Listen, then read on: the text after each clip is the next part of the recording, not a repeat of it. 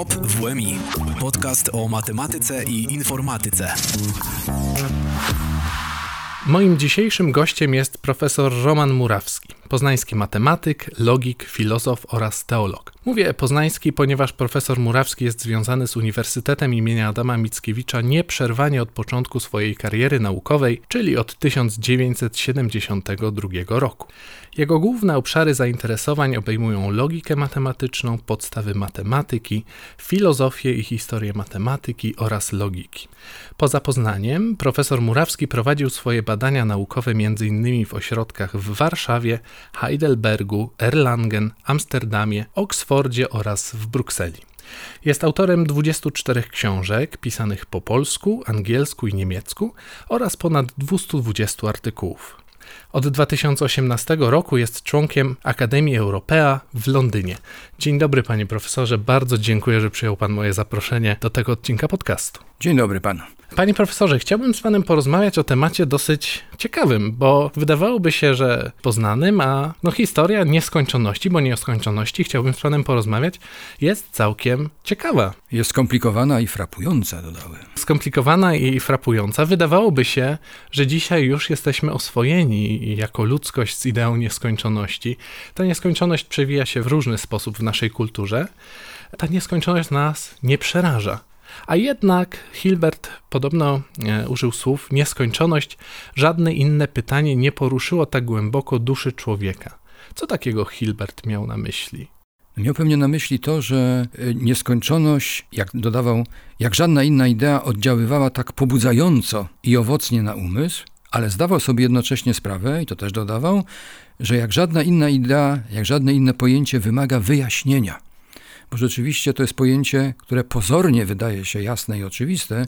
Niby się z nim oswoiliśmy, ale jak się zagłębić, to rzecz wcale nie jest taka prosta. Wiemy, że już starożytni Grecy zmagali się z ideą nieskończoności. Jak to się zaczęło? No właśnie, już starożytni Grecy mieli pojęcie nieskończoności w jakiś sposób. To był termin apeiron, termin, który miał charakter negatywny. Mianowicie chcieli w ten sposób wyrazić nieograniczoność przestrzeni i czasu, z której sobie w jakiś sposób zdawali sprawę, ale widzieli też jakiś taki pozaracjonalny, religijny czy mistyczny aspekt nieskończoności oraz niedefiniowalność i niemożność opisania nieskończoności. To było coś takiego nieokreślonego. A z drugiej strony dostrzegali pewne trudności i kłopoty, które rodzi operowanie tym pojęciem.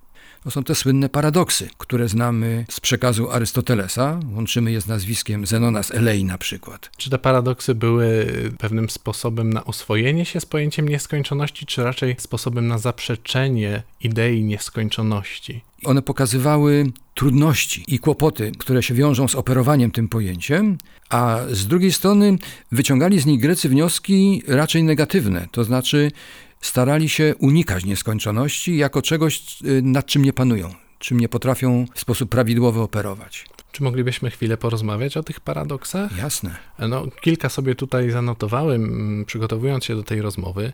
Paradoks Zenona z Elei, paradoks Proklosa, paradoks Galileusza, paradoks Hilberta. Wydaje się, że całkiem sporo tych paradoksów się pojawiło. Niektóre nie są ze starożytnej Grecji, no przecież Hilbert to, to nie jest e, starożytna Grecja. Więc ten problem z nieskończonością on się ciągnął i ciągnął i ciągnął. Dokładnie. Właściwie do, do XIX wieku, kiedy powstała teoria mnogości, czyli takie pierwsze matematyczne ujęcie nieskończoności, które nie wyjaśnia rzeczy do końca, broń Boże. Zmagali się ludzie z kłopotami, z paradoksami, które niesie z sobą pojęcie nieskończoności. Czy mógłby Pan nam przedstawić jakieś z tych paradoksów, któryś tak. z nich? Żeśmy sobie wyobrazili, o co chodzi. Zacznijmy od Zenona z Elei. Filozof grecki, który sformułował pewne paradoksy, które znamy dzięki przekazowi Arystotelesa. Tu się mówi o kilku. Najważniejszy z nich to tak zwany paradoks Achillesa i żółwia, paradoks dychotomii, paradoks strzały czy stadionu. Może zacznijmy od Achillesa i żółwia. To jest bardzo poglądowa rzecz. Mianowicie mamy Achillesa, symbol szybkiego biegacza, i mamy żółwia, symbol powolności. Ścigają się. Achilles jako gentleman powiada do żółwia, ty jesteś słabszy, wolniejszy, daję ci fory. Stań w połowie dystansu, który mamy przebiec i razem wystartujemy. Startują. I rozumowanie teraz mówi tak. Biegną, to jest chwila T0. W chwili T1 dobiega Achilles do miejsca, z którego startował żółw, ale żółw posunął się już troszeczkę do przodu i jest przed Achillesem. W następnej chwili T2 musi dobiec Achilles do miejsca, w którym żółw był w chwili T1, ale żółw posunie się znów kawałeczek do przodu. I tak będzie zawsze. Jaki z tego wniosek? Achilles nigdy nie dogoni żółwia. Co innego mówi intuicja. Mówi, że Achilles błyskawicznie przegoni żółwia. Jaki z tego wniosek y, wyciągali starożytni Grecy? Że ruch w przyrodzie nie istnieje, ruch jest czymś pozornym, a nie istnieje, bo jest sprzeczny wewnętrznie, co pokazuje nasze rozumowanie. I był kłopot. Podobnie jest z paradoksem, który się nazywa dychotomią. Mamy sprintera, który ma przebiec jakiś dystans, no ale żeby go przebiec, musi wpierw przebiec połowę tego dystansu. Żeby przebiec połowę dystansu, musi uprzednio przebiec jedną czwartą dystansu i tak dalej. To znaczy wobec tego, że on nigdy właściwie nie wystartuje. To, że on dobiegł do końca, jak mówi intuicja, jak mówi potoczne doświadczenie, to coś, co nie gra z naszym rozumowaniem. Gdzieś jest problem. Widzą Państwo, że, to, y, że cały problem polega na tym, że Grecy nie potrafili poradzić sobie z dzieleniem wielkości na nieskończenie wiele części i sumowaniem nieskończenie wielu części. Jeżeli pan pozwoli, to mi przypomina e, pewien żart e, matematyczny, który też sobie jakoś przypomniałem. Mianowicie nieskończona liczba matematyków wchodzi do baru. Pierwszy zamawia jedno piwo, drugi połowę piwa, trzeci jedną czwartą piwa. Barman patrzy na nieskończoną kolejkę z uśmiechem i po prostu nalewa dwa piwa. No właśnie, znakomity dowcik, który pokazuje, na czym polega sumowanie, nieskończenie wielu coraz to mniejszych części. Właśnie, więc y, z, z, tym sobie Grecy nie potrafili poradzić i rzeczywiście to był problem. W związku z tym rzecz się troszeczkę rozjaśniła dzięki pismom Arystotelesa. Arystoteles, jeden z największych filozofów greckich, może w ogóle, dokonał pewnego rozróżnienia między nieskończonością potencjalną i aktualną. Potencjalna nieskończoność to jest taka wielkość, która rośnie nieograniczenie. Może być zawsze powiększana. To jest pewien proces, który można w nieskończoność kontynuować. Na przykład dzielenie odcinka, dodawanie do liczby, którą już mamy, jedynki. Natomiast nieskończoność aktualna to y, według ujęcia Arystotelesa jest końcowy efekt takiego nieograniczonego procesu. No, no, i właśnie dokonawszy tego rozróżnienia, Arystoteles stwierdził wyraźnie, że w matematyce tak naprawdę wystarczy nieskończoność potencjalna. Aktualna jest niepotrzebna. Czemu tak powiedział? No bo kłopoty sprawiała właśnie nieskończoność aktualna. Z tym nie potrafiono sobie poradzić. Widzimy, mamy przykład, prawda, jak sobie radzić w nauce z kłopotami. Odrzucić problem, uznać go, że jest nieważny i niepotrzebny. To tylko pozornie tak wygląda. Tak. Ale jeżeli możemy wrócić do tych e, paradoksów, mhm. był żółw, był biegacz, no ale jeszcze kilka takich popularnych paradoksów jest. No właśnie, to pan wspomniał o paradoksie Proklosa. On był filozof żyjący w IV wieku naszej ery, scholarcha w Akademii Platońskiej, która wtedy jeszcze istniała. On zauważył następującą rzecz, że mianowicie jak mamy okrąg i weźmiemy pod uwagę jego średnicę, to średnica dzieli okrąg na dwa półkola. Ponieważ średnic mamy, może, możemy mieć nieskończenie wiele, w związku z tym będziemy mieli dwa razy nieskończenie wiele półokręgów. To mu się wydawało dziwne. Na podobny fenomen zwrócił uwagę żyjący wiele wieków później Galileusz. On to wyraził w innym języku.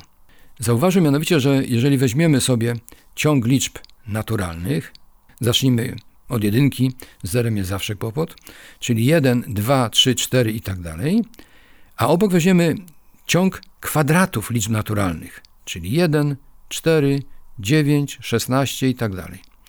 Widać na oko, że ten drugi ciąg jest fragmentem, częścią tego pierwszego ciągu, ale z drugiej strony one mają tyle samo elementów.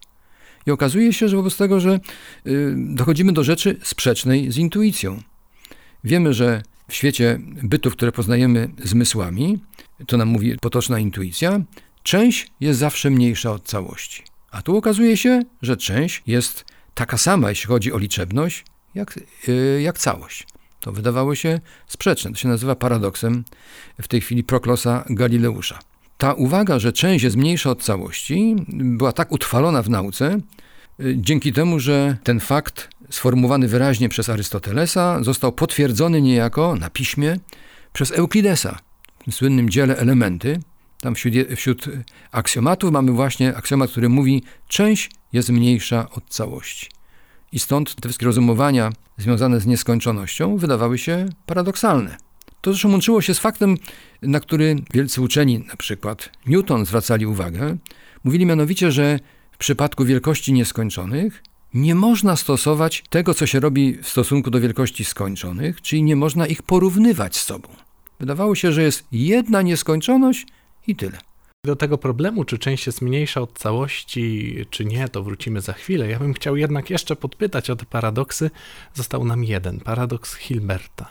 No właśnie, to jest paradoks, który łączymy z nazwiskiem Hilberta. Nie jest jasne, czy on go wymyślił, czy to ktoś inny pod taką nazwą funkcjonuje. Rzecz dotyczy hotelarstwa. Mianowicie, wyobraźmy sobie hotel, który ma nieskończenie wiele pokoi. Wszystkie pokoje są zajęte, w każdym jakiś gość już jest zakwaterowany. Ale przyjeżdża jeszcze jeden gość. Co robi recepcjonistka? Gościa nie odsyła z kwitkiem, tylko go serdecznie wita i znajdzie dla niego pokój. Jak to zrobi? Otóż gościa, który śpi w pokoju numer jeden, poprosi o przeniesienie się do pokoju numer dwa. Gościa z pokoju numer dwa poprosi o przeniesienie się do pokoju numer trzy. Ogólnie gościa z pokoju numer n poprosi o przeniesienie się do pokoju numer n plus 1, a nowo przybyłego gościa zakwateruje w pokoju numer 1 i są wszyscy zadowoleni. A co by było, gdyby przybyło dwóch nowych niespodziewanych gości? Zrobi się to samo, ale przesunie się gości, którzy już są, o dwa pokoje do przodu. I jak mówi matematyk, to funkcjonuje też, gdyby przybyło nawet n nowych gości. Zrobi się to samo. Nawet można zrobić podobną historię, gdyby przybyło nieskończenie wielu nowych gości. Oczywiście to jest hotel, który nie istnieje w rzeczywistości, ale w rozumowaniu jest całkiem dobrym przykładem pokazującym własności takiego pojęcia jak nieskończoność. I to jest hotel, w którym zawsze mile witają każdego gościa, niezależnie od tego, ilu gości już jest. W tym hotelu są zawsze wolne pokoje. No, wygląda na to, że to jest też ten hotel, którego goście schodzą później po to piwo. Dokładnie, dokładnie. E, panie profesorze, no, pamiętam jak uczęszczałem na prowadzone przez pana wykłady z logiki i teorii mnogości.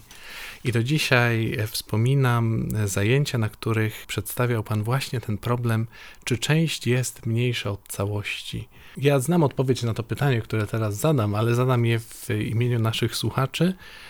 Który zbiór jest większy? Czy więcej jest liczb naturalnych, czy liczb wymiernych? No właśnie. Jak spojrzymy na to takim, powiem, nieuzbrojonym okiem, matematycznie nieuzbrojonym, to odpowiedź jest oczywista.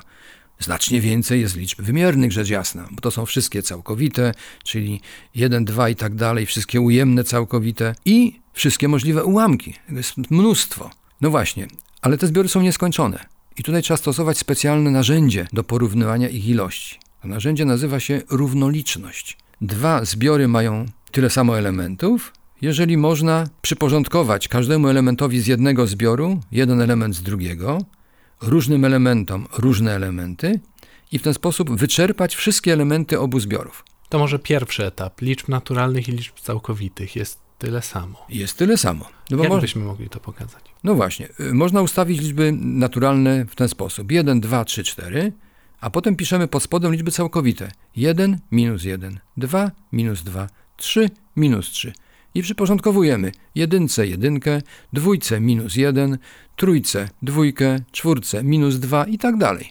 To jest funkcja, która spełnia nasze własności, czyli mówimy ustala równoliczność obu zbiorów. Każdej liczbie naturalnej odpowiada dokładnie jedna liczba całkowita i każdej liczbie całkowitej dokładnie jedna liczba naturalna. Dokładnie i co więcej, różnym liczbom różne liczby. To jest tutaj istotne. Tak, to jest dokładnie ten fenomen. A gdybyśmy mieli pójść krok dalej, weźmy teraz wszystkie liczby wymierne. No wydaje się, że tak ułożyć łatwo te liczby wymierne w linii nie jest. No właśnie, tu jest pewien trik. Mianowicie liczby wymierne możemy ułożyć w tablicę. Na przykład napiszmy w pierwszym wierszu wszystkie ułamki, które mają licznik 1, a mianowniki po kolei 1, 2, 3, 4 i tak dalej. W drugim wierszu wszystkie ułamki, które mają licznik 2, a mianownik po kolei 1, 2, 3 i tak dalej. W trzecim wierszu te, które mają licznik 3 i tak dalej. Mamy tablicę, która jest nieskończona w prawo i nieskończona w dół, że tak powiem, w dwóch kierunkach nieskończona. Liczby się w tej tablicy powtarzają, ale tablica na pewno zawiera wszystkie liczby wymierne dodatnie. I teraz robimy taki trik, mianowicie ustawiamy liczby z całej tej tablicy, biorąc pod uwagę przekątne, czyli patrzymy na sumę licznika i mianownika. Na pierwszej przekątnej będzie liczba 1, 1. Jedna pierwsza. Suma licznika i mianownika wynosi mhm. 2. Za tą liczbą ustawimy drugą przekątną, czyli liczby dwie pierwsze i jedna druga. Tu suma licznika i mianownika wynosi 3. I tak dalej. W ten sposób ustawimy wszystkie liczby naszej tablicy w ciąg, który y, jest podobny, czyli może być odwzorowany, jak mówią matematycy, różnowartościowo na ciąg liczb naturalnych. 1, 2, 3, 4. Pozwoli pan, że ja spróbuję może tak ułożyć te liczby wymierne. Czyli mamy jedną pierwszą, jedną drugą i później dwie pierwsze. Tutaj licznik i mianownik sumuje się do trójki. Tak. E, później będzie jedna trzecia, dwie drugie, trzy pierwsze. Dokładnie. Czyli tam, gdzie licznik, mianownik e, sumuje się Do czterech. do czterech i tak dalej. Czyli na tak przykład dla pięciu będzie jedna czwarta, dwie trzecie, trzy drugie i cztery pierwsze. Dokładnie. Czyli dokładnie. rzeczywiście każdej liczbie naturalnej będziemy mogli jednoznacznie przypisać Tak. jedną dodatnią liczbę wymierną. Mhm. Ewentualnie wykreślimy z tego ciągu liczby, które się powtarzają, co nam w niczym nie przeszkodzi, w niczym nie popsuje tej konstrukcji. I możemy potem jeszcze, żeby były wszystkie liczby wymierne, przepleść ten nasz ciąg wyjściowy, wstawiając do każdej liczby, którą już mamy, jej ujemny odpowiednik. Tak jak robiliśmy z liczbami całkowitymi. Dokładnie tak samo. Dokładnie tak samo. I widać, że no właśnie, te zbiory pozornie różne, jeśli chodzi o liczebność, są dokładnie takie same, mają tyle samo elementów. No to co, pójdziemy krok dalej? A co by dalej. było z liczbami rzeczywistymi? Czy liczb naturalnych jest tyle samo, co liczb rzeczywistych? A no właśnie, to jest naturalne pytanie, które się w tym momencie rodzi. Czy liczb naturalnych jest tyle samo, co liczb rzeczywistych? Tutaj właśnie cały fenomen Kantora, twórcy teorii mnogości, wyszedł. Okazuje się, że nie są to zbiory równoliczne. Dowód, który przeprowadził, był, był dowodem tak zwaną metodą przekątniową. Mianowicie przypuścił, że liczb rzeczywistych jest, jak mówimy, przeliczalnie wiele, czyli tyle samo, ile liczb naturalnych. Skorzystał z faktu, że każdą liczbę rzeczywistą można przedstawić jako nieskończone rozwinięcie dziesiętne Tak jak na przykład liczbę pi przedstawiamy jako 3,14, 15, 92. i tak dalej, i tak dalej. Dokładnie. I skoro założenie mówiło, że liczb rzeczywistych jest przeliczalnie wiele, możemy je ustawić w ciąg, do każdej liczby dopisujemy jej rozwinięcie nieskończone i teraz konstruujemy nową liczbę. W ten sposób, że psujemy, że tak powiem, pierwszą liczbę na pierwszym miejscu, czyli nasza nowa liczba będzie miała pierwszą cyfrę rozwinięcia dziesiętnego inną niż pierwsza cyfra rozwinięcia dziesiętnego pierwszej liczby w naszym ciągu. Mhm.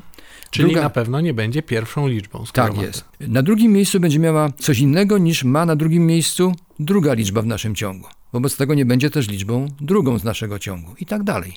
I tak popsuwszy, że tak powiem, te nasze liczby, otrzymamy nową liczbę rzeczywistą, której nie ma w naszym ciągu, a więc sprzeczność z przyjętym na początku założeniem. I jak to bywa w dowodach metodą nie wprost, skoro przyjęta na początku negacja tezy okazuje się prowadzić do sprzeczności, zatem teza jest prawdziwa. Wobec tego liczb rzeczywistych jest więcej niż przeliczalnie wiele, czyli ten zbiór nie jest równoliczny ze zbiorem liczb naturalnych. No, wie pan, jakie pytanie powstaje następne. Czy jest coś między jedną a drugą wartością?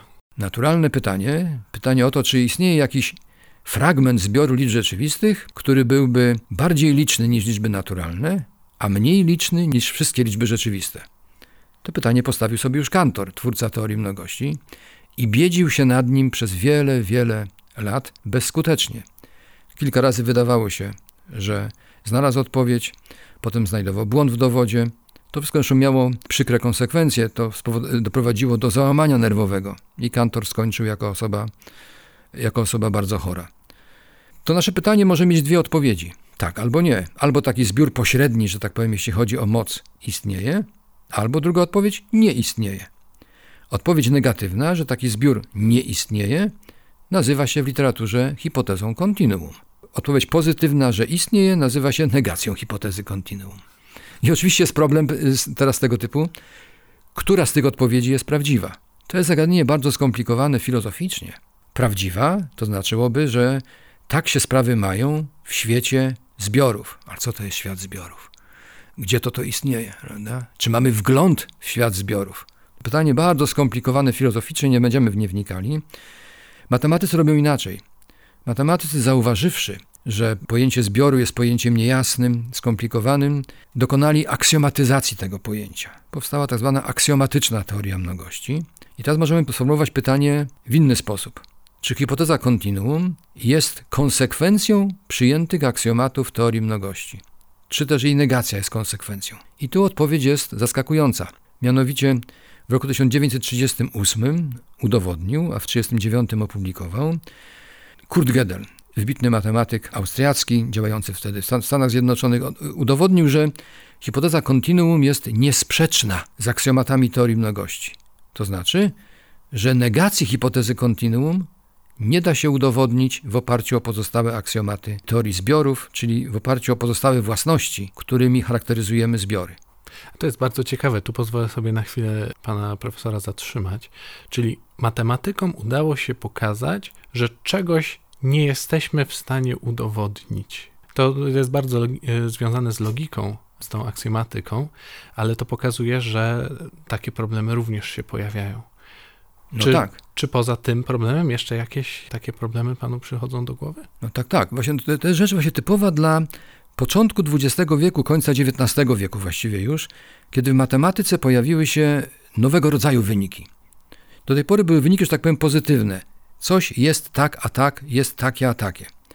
Natomiast w końcu XIX wieku, to związane było na początku z geometriami nieeuklidesowymi, pojawiły się wyniki negatywne, które mówiły, że czegoś nie można udowodnić, nie można zrobić, używając takich to a takich metod. Takim najbardziej sławnym przykładem tego typu wyniku jest y, słynne twierdzenie Gedla, znów ten sam twórca, y, o niezupełności. Bardzo piękne, fundamentalne twierdzenie pokazujące pewną, no słabość to może źle powiedziane, pewną nie do końca chcianą cechę wszelkich systemów aksjomatycznych. Mianowicie systemy aksjomatyczne są na ogół, jak mówią logicy, niezupełne. To znaczy, w każdym systemie spełniającym pewne warunki są zawsze zdania nierozstrzygalne, czyli pytania, które można sformułować w języku danego systemu, a na które nie można ani pozytywnie, ani negatywnie odpowiedzieć w oparciu o przyjęte aksjomaty. I przykładem właśnie te, czegoś takiego jest ten wynik Gedla o niesprzeczności hipotezy kontinuum. Czyli mówiąc tak bardzo po ludzku, nie wiadomo. No nie wiadomo. Nie, nie wiadomo, wiadomo i nie dowiemy się, nigdy się nie dowiemy, przynajmniej w tej aksjomatyce. To znaczy tak, metodami, które stosuje matematyka, dowiedzieć się nie możemy. Tu może dodam jeszcze tylko, zanim tę myśl rozwinę, że problem niezależności hipotezy kontinuum dzięki wynikowi Gedla nie był do końca rozwiązany jeszcze. Jeszcze pozostała kwestia inna, mianowicie, a może, mimo że nie można udowodnić negacji hipotezy kontinuum, to samą hipotezę można udowodnić w oparciu o przyjęte aksjomaty. Tutaj trzeba było czekać wiele, wiele lat, bo do roku 1963 kiedy matematyk amerykański Paul Cohen udowodnił tę drugą rzecz, zupełnie inną techniką niż stosował Gödel. I teraz efekt jest tego typu, że mamy prostą tezę dotyczącą w sumie nieskończoności, której nie potrafimy rozstrzygnąć ani pozytywnie, ani negatywnie w oparciu o przyjęte aksjomaty. To co z tego zrobić? No można próbować wzmocnić aksjomaty. To próbowano, ale do tej pory nie znaleziono żadnego aksjomatu, który pozwoliłby rozstrzygnąć hipotezę kontinuum. Czyli wobec tego mówimy, że hipoteza kontinuum jest nierozstrzygalna. Ja może pozwolę sobie, bo mówimy o tych aksjomatach, ale być może część naszych słuchaczy nie do końca w, w, tym momencie już nadąża. Aksjomaty są pewne założenia, które my przyjmujemy, i kiedy Pan mówi, że możemy rozszerzyć, to znaczy, że dodać pewne dodatkowe założenia, z których będziemy w stanie wywnioskować pewne rzeczy. Tak jak Euklides zakładał, że część jest zawsze mniejsza od całości, to jest jeden z takich aksjomatów, na których cała jego praca się opierała. Dokładnie tak. Oczywiście jest kwestia inna, czy hipoteza kontinuum jest prawdziwa, ale to jest całkiem inna kwestia. Prawdziwa w świecie tworów matematycznych. Gdzie one istnieją, jak one istnieją, to jest kwestia bardzo skomplikowana, związana z filozofią matematyki. Czy prawdziwa to jedno, a czy potrafimy znaleźć odpowiedź na pytanie, czy jest prawdziwa, to coś zupełnie, zupełnie innego. Dokładnie. Chciałbym wrócić na, na moment jeszcze do tych naszych nieskończoności, czy część jest mniejsza od całości. Te wszystkie przykłady, które Pan tu zaprezentował, one dotyczą raczej zbiorów liczbowych. Czy jest więcej liczb rzeczywistych niż liczb naturalnych, więcej liczb wymiernych niż naturalnych, ale okazuje się, że w geometrii też możemy podobne rzeczy robić i osiągnąć całkiem ciekawe wyniki. No to, to pewnie Pan ma na myśli to, że pewne twory geometryczne, które też na oko zgodnie z intuicją wydają się nierównoliczne, okazują się równoliczne. Takim przykładem klasycznym jest odcinek powiedzmy o długości 1, czyli przedział 0,1 używając języka matematyki i z drugiej strony kwadrat bez brzegów. To są kwestie techniczne, brzegi czy brzegi to, to, to wiele, wiele nie zmienia. Oczywiście odcinek to to jest prawie nic w porównaniu z kwadratem. Otóż matematycy potrafią udowodnić w sposób bardzo precyzyjny i ścisły, też używając rozwinięć dziesiętnych liczb, że oba te twory, odcinek i kwadrat, są równoliczne, czyli mają tyle samo punktów, powiedzielibyśmy. Rzecz zupełnie sprzeczna z intuicjami. No i jak spojrzeć na to z tej perspektywy, to nic dziwnego, że starożytni Grecy tak nie za bardzo w tę nieskończoność wierzyli. Dokładnie. I, no, no bo kto by powiedział, że odcinek i kwadrat bez brzegu mają tyle samo punktów? To pokazuje też, że nasze intuicje mylą się, jeśli chodzi o operowanie pojęciem nieskończoności. Bo nasze intuicje powstają w, y, w obcowaniu z tworami skończonymi. W świecie, w którym żyjemy, w którym się poruszamy, mamy do czynienia wyłącznie z tworami skończonymi. I one wpływają na ukształtowanie naszych intuicji, które okazują się są mylne, kiedy operujemy pojęciem nieskończoności. To pokazuje tajemniczość tego pojęcia.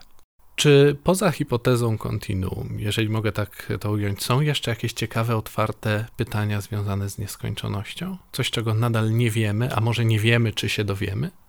Innym takim przykładem tezy twierdzenia, które ma podobny charakter jak hipoteza kontinuum, jest tak zwany aksjomat wyboru. Tutaj mówimy o aksjomacie, a nie o, a nie o hipotezie. To jest y, pewna zasada, która mówi, że jak mamy dowolną rodzinę zbiorów niepustych i rozłącznych, czyli mających wspólnych elementów, to można z każdego z nich wybrać po jednym elemencie i utworzyć zbiór takich reprezentantów. Stąd aksjomat wyboru. Bardzo proste sformułowanie, ale znów kontrowersyjne. Dlaczego?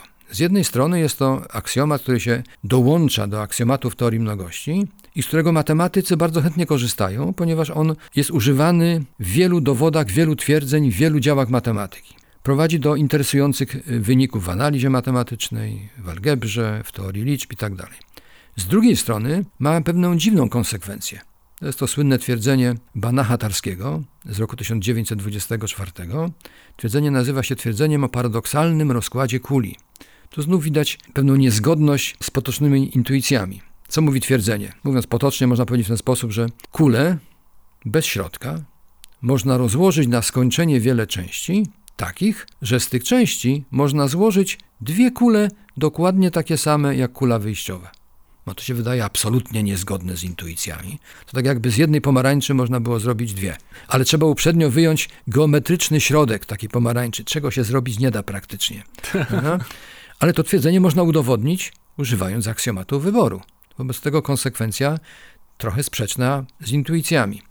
Tu jest kwestia jeszcze inna, kwestia tego, że ta sprzeczność z intuicjami pochodzi chyba z faktu, że to jest sprzeczne z intuicjami, które wiążemy z pojęciem miary. A matematycy mówią o tym, że są zbiory niemierzalne. To jest kwestia bardzo skomplikowana. Tutaj ta paradoksalność jest pozorna, ale intuicyjnie rzecz biorąc, rzecz jest y, szokująca. Z jednego obiektu mogę stworzyć dwa obiekty takie same jak obiekt wyjściowy. Z tych dwóch mogę potem stworzyć cztery i tak dalej, i tak dalej. No, jestem jak Pan Bóg, twórczy, tym, że Pan Bóg stwarza z niczego, ex nihilo, a matematyk musi mieć na początku coś dane. No i tu się okazuje też, że ten aksjomat wyboru, kontrowersyjny, też jest niezależny od pozostałych aksjomatów teorii mnogości. Czyli własności zbiorów, które zakładamy w aksjomatach, nie rozstrzygają ani słuszności, ani niesłuszności aksjomatu wyboru. Pozwoli Pan, że wrócę do tej nieskończoności. E, mam ostatnie pytanie dotyczące samej nieskończoności. Mianowicie, czy nieskończoności jest nieskończenie wiele? A no właśnie, bardzo dobre pytanie. Potocznie wydaje się, że, że po prostu jest być może nieskończoność jako taka. Otóż matematycy pokazali, że to nie jest tak prosto. Już tutaj mieliśmy przykład. Mianowicie mieliśmy nieskończony zbiór liczb naturalnych i dużo bardziej nieskończony, że tak powiem potocznie, zbiór liczb rzeczywistych. To jest własność ogólna. Kantor udowodnił, że jak się weźmie dowolny zbiór z jednej strony, a z drugiej strony rodzinę wszystkich jego możliwych podzbiorów, czy takich kawałków powiedzmy, fragmentów, to tych fragmentów, tych kawałków będzie znacznie, znacznie więcej niż elementów w zbiorze wyjściowym. Matematycy mówią, że zbiór jest zawsze mniej liczny niż jego zbiór potęgowy. No i dzięki temu możemy generować coraz to większe nieskończoności. Wychodzimy od zbioru liczb naturalnych, mamy jedną nieskończoność. Bierzemy wszystkie możliwe fragmenty tego zbioru. Tych fragmentów jest znacznie więcej niż samych liczb naturalnych. Mamy nową, większą nieskończoność. Do tej nowej, większej nieskończoności możemy zastosować tę samą procedurę. Otrzymamy jeszcze jedną, jeszcze większą nieskończoność. W związku z tym mamy, jak Pan mówił, nieskończenie wiele różnych nieskończoności. Tym się zajmują, znaczy badaniem tego typu tworów zajmują się między innymi matematycy. To jest wszystko bardzo odległe od intuicji potocznych. My właśnie operujemy jedynie tworami skończonymi, co więcej, tworami bardzo mało skończonymi, że tak powiem. Szacuje się, że wszystkich atomów w całym wszechświecie jest około 10 do potęgi 80. To jest jedynka, do której dopisano 80 zer. A przecież matematyk może wymyślić sobie twór na przykład 10 do potęgi 100. Jedynka i 100 zer dopisany. Znacznie większa liczba, ale ciągle skończona. To wobec tego czym jest nieskończoność? Czymś, co znacznie przekracza tego typu twory. Coś bardzo tajemniczego coś bardzo tajemniczego. Myślę, że tym skończymy naszą rozmowę o nieskończoności. Bardzo ciekawą zresztą, za którą bardzo Panu dziękuję, ale zanim jeszcze się pożegnamy, mam jedno pytanie, bo przygotowując się do tej naszej rozmowy, dowiedziałem się, że w latach 1975 do 1979 odbył Pan studia filozoficzno-teologiczne na papieskim Wydziale Teologicznym w Poznaniu, a w 1985 roku uzyskał Pan tak zwany licencjat kanoniczny. Moje pytanie jest takie: jak te zainteresowania teologiczne wpłynęły na Pana pracę jako matematyka?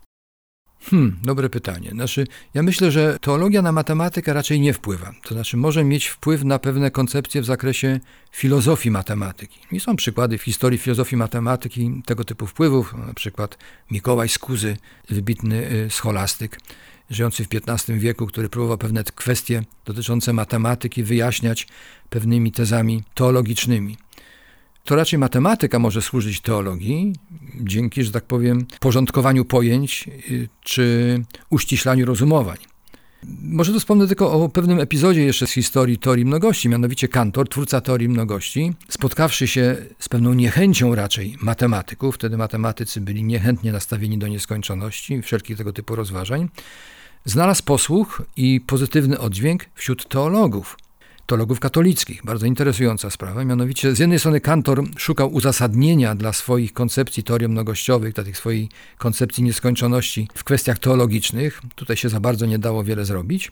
Natomiast teologowie zainteresowali się teorią mnogości z tego powodu, że mieli nadzieję, że teoria mnogości dostarczy im narzędzia, ścisłego narzędzia do badania nieskończoności. Jak wiadomo, nieskończoność to jest jeden z atrybutów, który przypisuje się, przynajmniej w teologii chrześcijańskiej, y, przypisuje się absolutowi. Mówimy, że Bóg jest nieskończenie y, mocny, wszechmocny, wszechwiedzący, dobry absolutnie, absolutnie miłosierny i tak dalej, tak dalej. Wszystko w stopniu nieskończonym. I była bardzo owocna dyskusja między teologami, wtedy najwybitniejszymi ówczesnymi teologami i kantorem. Efekty tej dyskusji były, były tego typu, że mm, z jednej strony teologowie mieli nadzieję, że, że teoria mnogości pomoże, nie pomogła, bo to są całkiem inne pojęcia, którymi operuje teologia, inne pojęcia, którymi operuje teoria mnogości. A z drugiej strony zauważyli pewne rzeczy, jeśli chodzi o filozofię teorii mnogości. Pod wpływem sugestii teologów Kantor pewne modyfikacje wprowadził, co jest rzeczywiście interesującym przykładem, jedynym chyba w historii matematyki, przykładem wpływu teologii na teorie matematyczne. Bardzo panu dziękuję za te wyjaśnienia, bardzo panu dziękuję za spotkanie, za poświęcony czas i za rozjaśnienie tych kwestii związanych nie tylko z nieskończonością, ale jak się okazało również z tym, co w matematyce można pokazać, a czego nie można pokazać. Także bardzo dziękuję. Dziękuję również.